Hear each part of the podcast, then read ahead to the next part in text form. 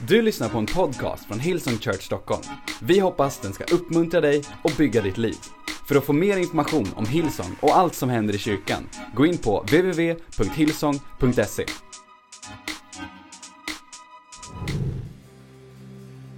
Gud, vi bekänner att du är stor.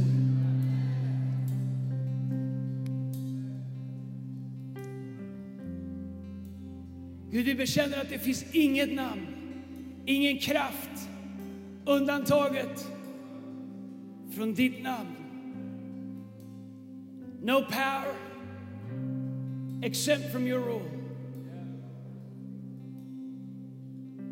Du är över allting. Jesus, inget är omöjligt för dig. För dig är allt möjligt. I var och en av oss. Jesus, jag tackar att din kraft inte är beroende på vår svaghet. Du bär upp din kraft med ditt eget namn. Därför så är du mäktig att göra mirakler i varje människa här idag. Helige jag ber dig att göra här ikväll det bara du kan göra. Människor som har törstat efter dig, fyll dem ikväll. Människor som desperat behöver ett mirakel, Herre, oavsett vad det är, Herre. Bara du vet vad var och en behöver och bara du är mäktig att ge oss allt som vi behöver, Herre. Gud, de som känner sig långt borta ifrån dig ikväll, Herre, jag ber att de skulle få uppleva din oerhörda kärlek, din nåd, din frid. Herre, hur stor du är, Herre. Ingen här inne det finns ingen här inne som inte älskar dig. Det finns ingen här inne som du inte har gett ditt liv för. Det finns ingen här inne som du inte håller din famn öppen för. Herre. Var och en här inne.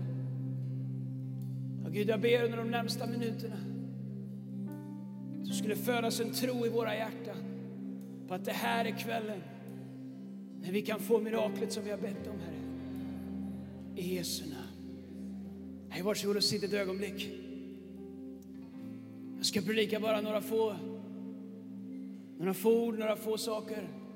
Nu ska vi be och fortsätta lovsjunga Gud. Då.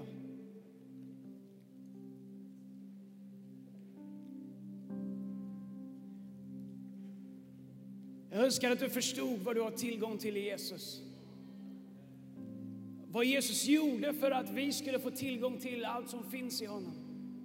För några dagar sedan så stod jag i Betlehem och i kanten av Betlehem så finns det en dal, jag vet inte vad den heter på svenska, på engelska så heter den Shepherds Field. Den heter Shepherds Field därför att herdarna gick där nere. På andra sidan dalen gick Jerusalem. Där låg templet dit Jesus gick varje dag. Eller förlåt, regelbundet. Där i templet så offrade man lamm till Gud. I Shepherds Field som ligger mellan Betlehem så är det en dal, där ligger Shepherds Field. I dalen kallas Shepherds Field, på andra sidan dalen ligger Jerusalem. Här i dalen, där gick herdarna och födde upp får, födde upp lamm. Sen tog de de lammen in till Jerusalem och sålde i öppningen, ingången till templet till människor så att de kunde köpa ett offer för att offra till Gud. Kanske tror du att Jesus bara en dag föddes i Betlehem av en slump. När du står vid Betlehem, på gränsen till Shepherds Field, så inser du att det lammet som offrades för hela världens synd föddes mitt ibland andra får bland Shepherds Field, där man dag ut och dag in köpte får för att försöka blidka Gud, föddes han som säger, se, när Jesus, när Jesus kom sa Johannes, se Guds lamm som borttager världens synd. Och Jesus utgav sig själv för att vi aldrig mer skulle behöva prestera för att få tillträde till allt det som Gud har. För att sätta ett stopp för det faktum att det var våran prestation som avgjorde Guds respons.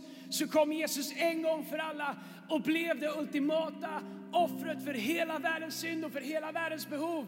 Han föddes i Betlehem därför att det var där vid kanten av Betlehem som fåren föddes. Och när han föddes där så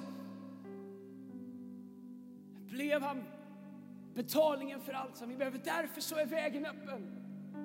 Därför så ligger allting öppet. Därför, oavsett hur du har kommit hit idag så, och du säger Gud jag behöver ett mirakel och du tänker det kan inte ske för jag har gjort det här, det kan inte ske för jag har inte gjort det här. Men du förstår, om du tänker så, så spolar du tillbaks bandet innan Jesus gav sitt liv. När det handlade om om man köpte ett bra lamm, om det offret man kom med var tillräckligt bra för att Gud skulle ta emot det. Du förstår, vi lever inte kvar i den tiden längre.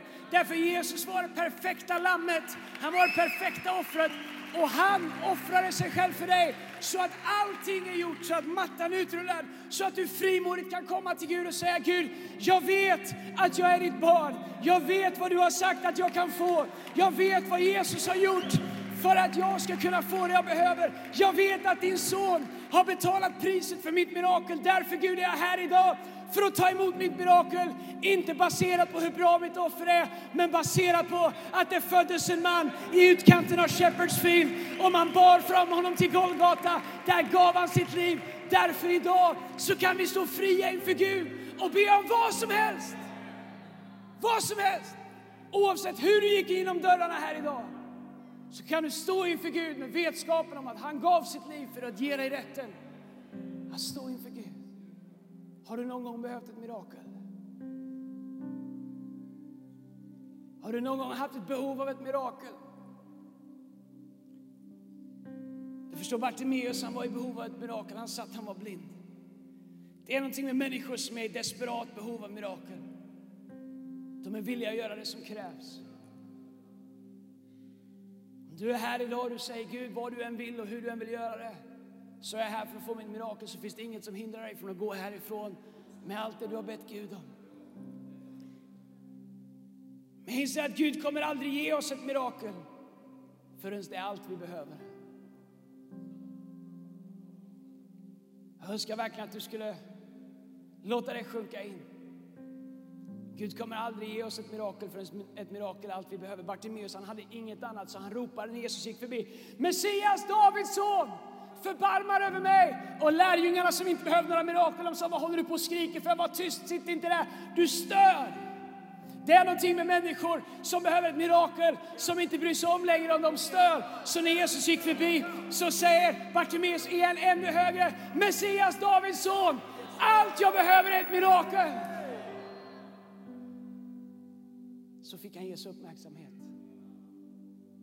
Jesus vände sig och säger, vad vill du jag ska göra för dig? Bartimeus säger, jag kan inte se. Jag kan inte se, allt jag behöver är ett mirakel. Du vet inte hur nära du är ett mirakel förrän ett mirakel är allt vad du behöver. Du vet inte hur långt bort ifrån ett mirakel du är för, förrän du har lärt dig leva utan ett mirakel. Vi övar på att leva utan våra mirakel mer än vi desperat Våga tro Gud om att ge oss det mirakel vi behöver. Det är som att vi ofta övar hellre på att halta och gå med en halt än vad vi övar på att komma inför Gud och förnya vårt sinne och tro att han kan ge oss ett mirakel. Så länge du övar mer på att lära dig leva utan ett mirakel så kommer du vara längre och längre bort ifrån ett mirakel. När du kommer till en punkt där du säger, vet du vad? Bara ett mirakel kan göra det här och jag vet bara en miracle maker. Det är då som du helt plötsligt har satt a miracle in motion. Då helt plötsligt har du satt mirakel i rörelse. Men det är du och jag som lever i en västvärld som säger, Gud kan du hela mig? Men om inte det sker så är det helt okej okay, för jag har, gått, jag har tid hos vårdcentralen imorgon. Inget fel på vårdcentralen. Kanske är det ett äktenskap som inte är bra. Du säger jag får bara lära mig leva med det. Du behöver inte lära dig att leva med det. Du behöver bara bestämma dig för att mirakel är vad Gud har lovat dig. Så vi kommer aldrig få mirakel när vi lägger mer energi på att öva oss på att leva utan det än vad vi lägger energi på att stå i tro för att få det ifrån Gud i Jesu namn.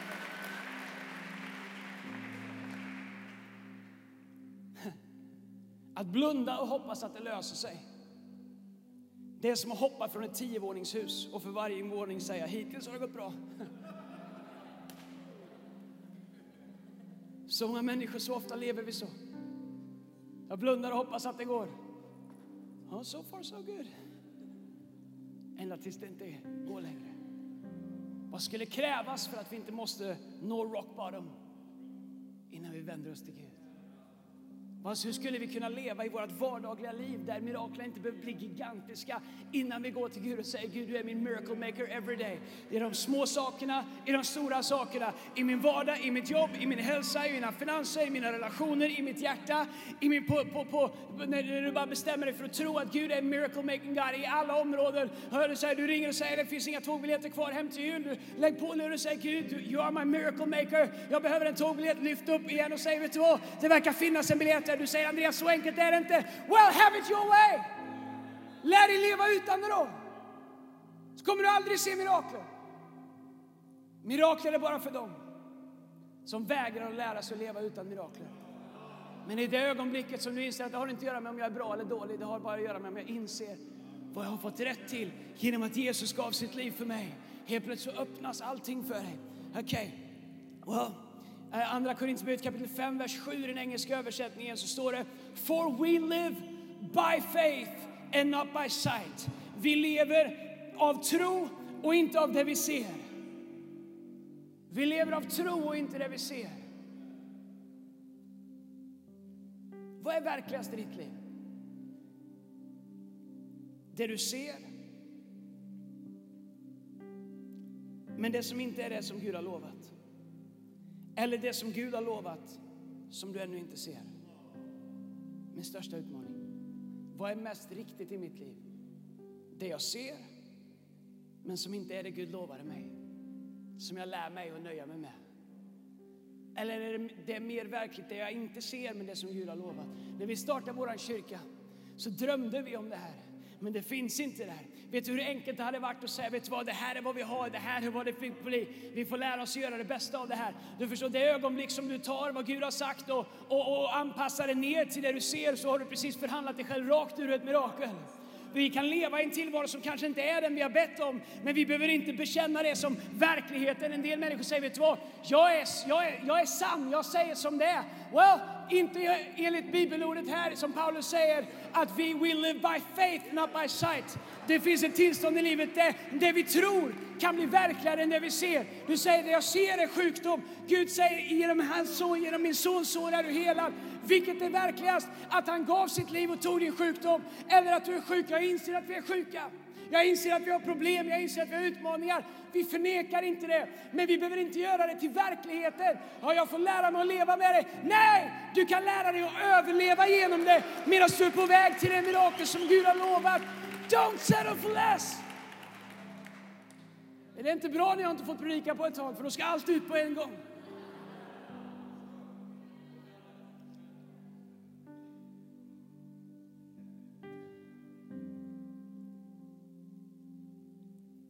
Det du ser i tro måste alltid vara verkligare än det som du inte ser med dina ögon.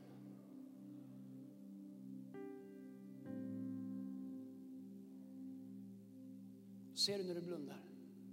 Ibland som små barn gör när det blir läskigt. För här inne så har de frid. Här inne så kan de stay sane. It takes a fool to remain sane. De blundar, så lämnar de allt utanför. Vet du vad, ibland i, i livet så måste man lära sig att sluta de här ögonen och öppna de här ögonen. Vi kan säga att vi är realister och säga jag stänger de här ögonen och öppnar de här ögonen. Jag säger bara som det är. Sara, Abrahams fru, var realist. Hon sa gå och ta Hagar, gå och, och, gå och lös det på egen hand. Gud sa nej Abraham vänta på löftet, vänta på vad jag har sagt. Abraham sa, eller Sara sa stäng de här ögonen och öppna dina riktiga ögon och se vad som är framför dig. Det finns en annan väg att göra det här. Men Gud sa nej stäng de här ögonen och gå ut och öppna ditt hjärtas ögon. Räkna stjärnorna, räkna sanden. Han skickade änglar på besök för att hjälpa Abraham att hålla sina inre ögon öppna så att han inte skulle frestas till att bygga sitt liv på det han såg. Du förstår, ibland när vi ser oss runt omkring så ser vi att jag är så långt borta från mirakel så jag har ingen aning om jag jag ska hitta fram.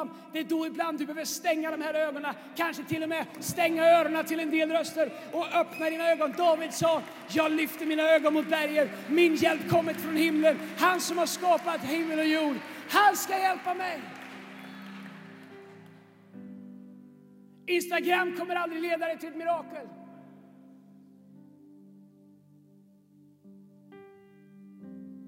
Det du ser med dina inre ögon, det du ser i tro, måste bli verkligare när du ser med dina ögon. I Hebreerbrevet kapitel 11, vers 1 så står det tron är en övertygelse om det man hoppas på.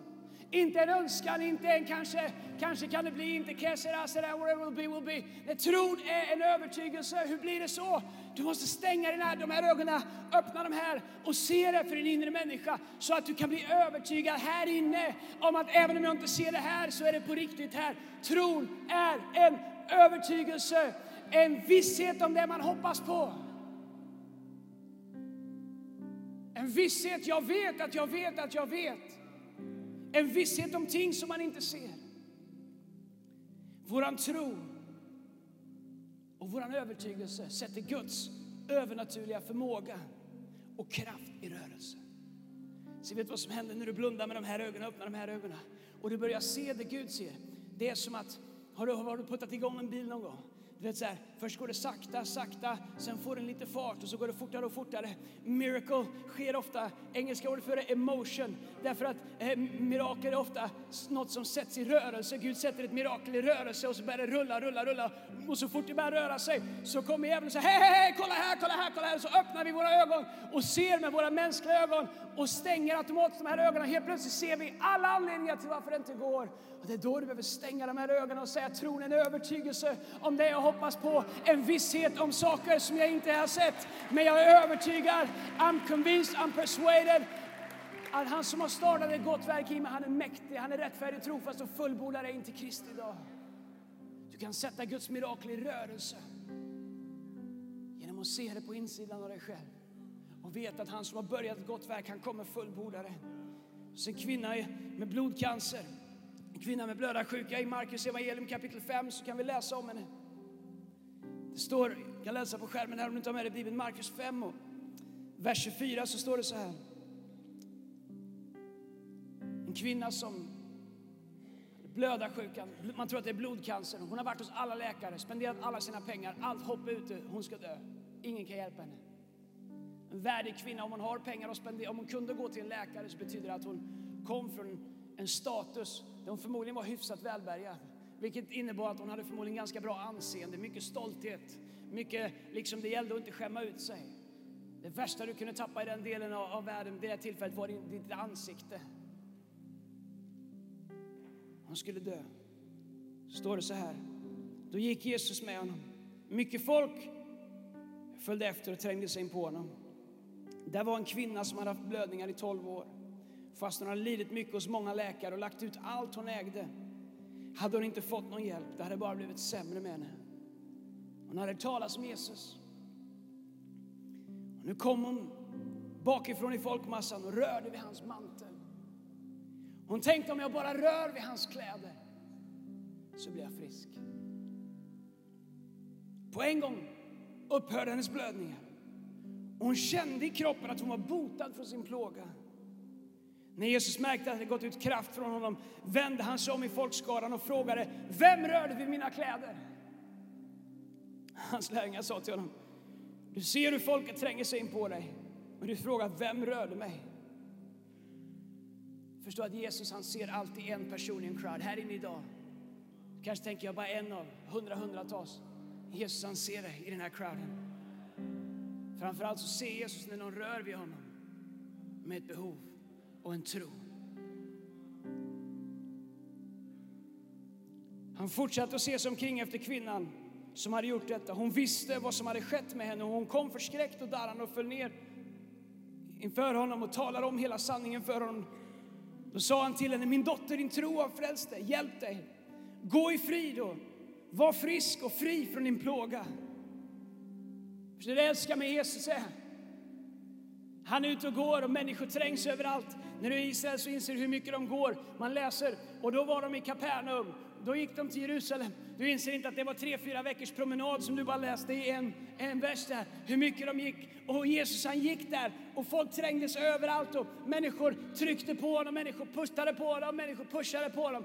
En kvinna som har gjort allt som går att göra mänskligt inser att det finns ingenting mer hon kan göra mänskligt. Så hon börjar se för sina inre ögon möjligheten att kanske om hon rör vid Jesus, vad får en kvinna med prestige? Att vilja sänka sig ner så mycket att hon är beredd att på sina fötter, på sina knän börja krypa mellan benen och under mantlarna på, på värdiga män och värdiga kvinnor. Så tar de sig fram till Jesus. Varför rör de längst nere vid hörntofsen? Därför att förmodligen så fick hon krypa fram sista biten för att orka fram, för att komma fram.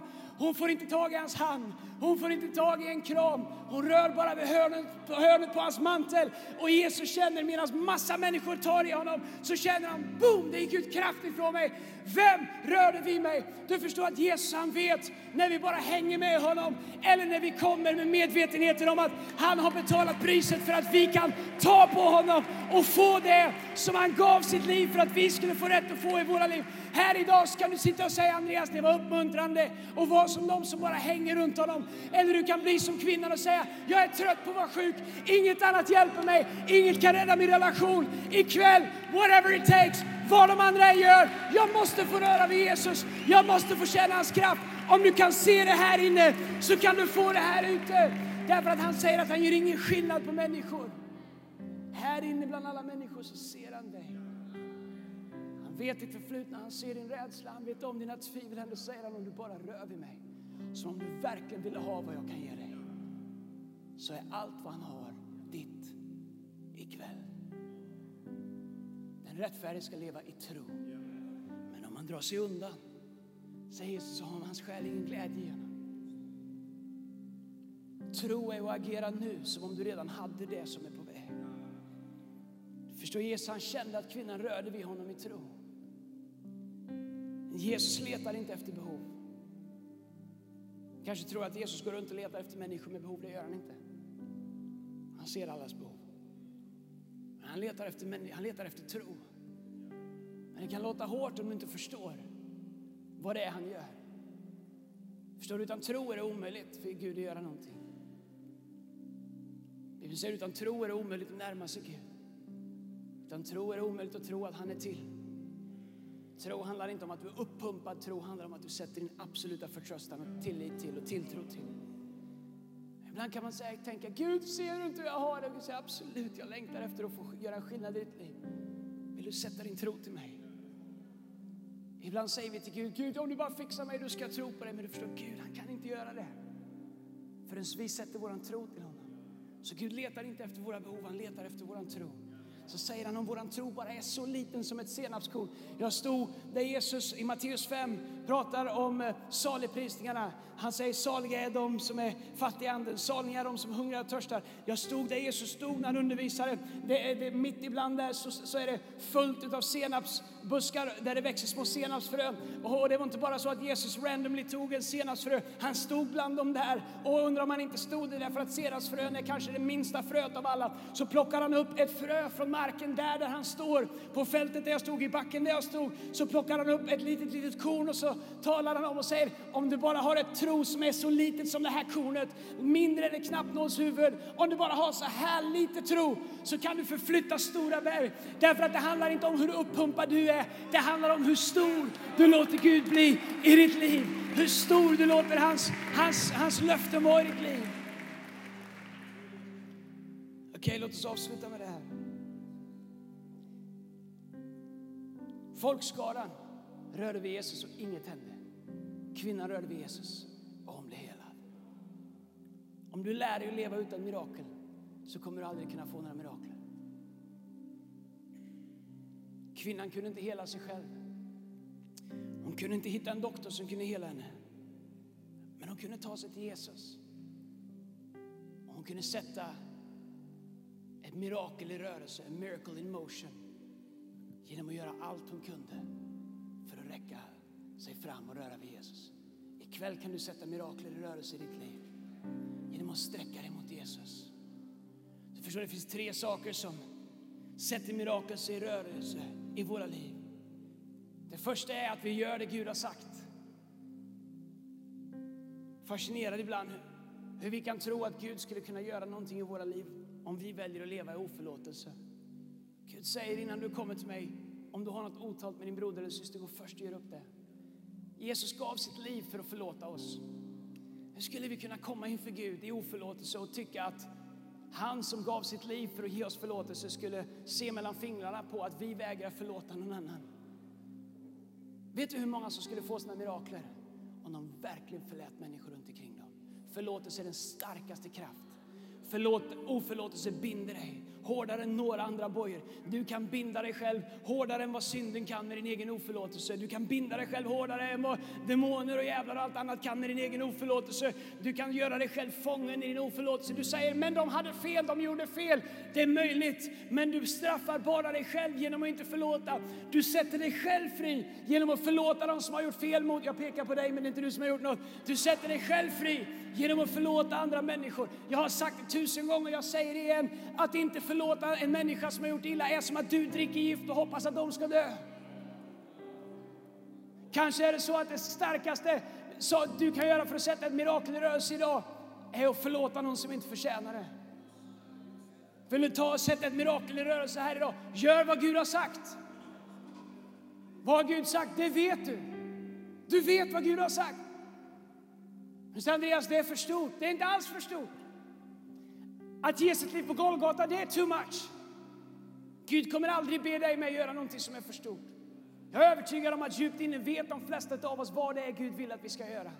För att sätta vårt mirakel i rörelse. Och vi kan lära oss att leva utan det, vi kan skylla på andra saker. Men vi kommer aldrig sätta vårt mirakel i rörelse. Det andra vi kan göra för att sätta vårt mirakel i rörelse är att sluta begränsa Gud genom att bestämma hur Gud ska göra det. Kanske en av de största sakerna som hindrar oss från att ta emot Guds mirakler är att vi vill vara med och definiera det. Gud, jag vill ha ett värdigt mirakel. Vem som nu bestämmer vad som är värdiga. Alltså jag menar inte på något sätt att, att liksom få dig att känna dig liten. Men jag skulle ändå vilja påstå att Gud struntar absolut helt fullständigt i hur du tycker att han ska göra mirakler. He doesn't care. Du var inte där när han skapade solen. Du var inte där när han skapade jorden. Du var inte där när han satte ut stjärnorna med sina fingerspetsar. Du är inte där när han mäter upp haven i sin hand. Du är inte där när han spänner ut sin hand och skapar himlarymden. Du var inte där när han stannade solen en dag. Du var inte där när, när, när han vände sig bort från sin egen son och hans egen son blev gjort i synd. Och du, du kommer och säger Gud kan jag få ge dig ett råd om hur du ska göra ett mirakel? Gud säger vart var du?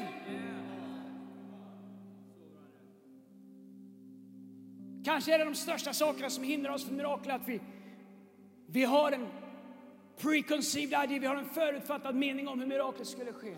Tänk om vi skulle säga Jesus, låt din vilja ske så som i himlen, så på jorden. Även om din vilja kommer på ett sätt som jag inte ens förstår, tycker om eller min granne inte begriper. Who cares? Så länge miraklet kommer. Vet du vad, vet, vet vad som är svårast? Det är när Gud använder en människa du inte tycker om för att ta miraklet i ditt liv. Oh my God. Men har du varit med om det någon gång? Du är en människa du bara tänker, gode Gud i himlen, om den människan är kristen, skicka dem så långt öster går i himlen och skicka mig så långt väster bara går. Och så använder Gud den personen som du tycker inte ens är en bra kristen, så använder Gud den. Men du vet, om Gud kan använda åsnor till att tala, om Gud kan använda alla möjliga saker, om han säger att stenar ska ropa åt oss om vi inte gör det vi ska, så använder Gud. Ibland tror jag att Gud använder människor som vi inte tycker om för att visa oss att han inte bryr, oss om, eh, bryr sig om hur vi tycker att det ska gå till. Om vi vill ha det, då är det på hans villkor. Därför att han vet bäst. Vi vill ha det vi tror att vi behöver. Han ger oss det han vet att vi behöver. Slutgiltigen, medan vi ställer oss upp allesammans. Lovsångsteamet kommer fram.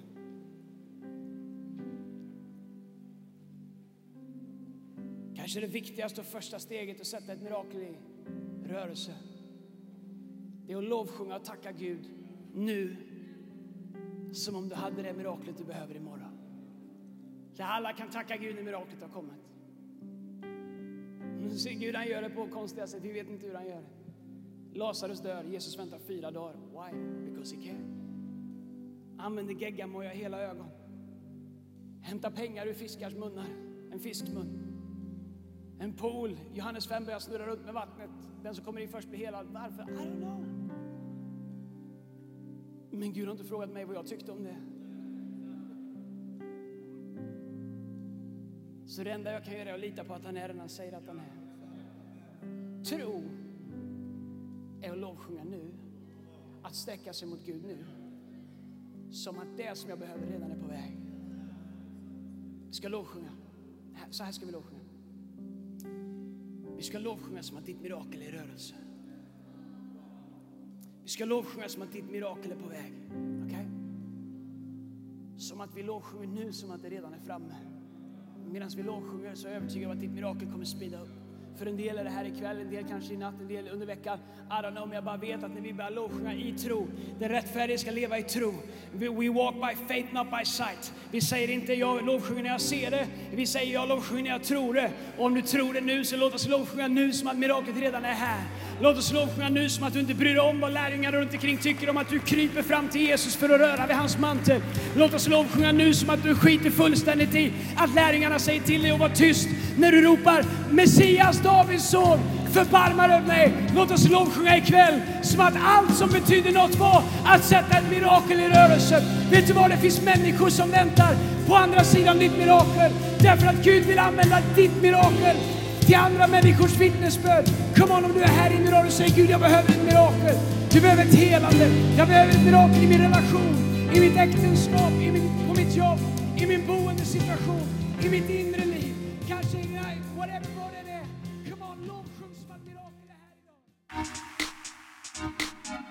Du har lyssnat till en podcast från Hillsong Church Stockholm. Om du vill veta mer om vår kyrka eller om våra söndagsmöten, surfa in på www.hillsong.se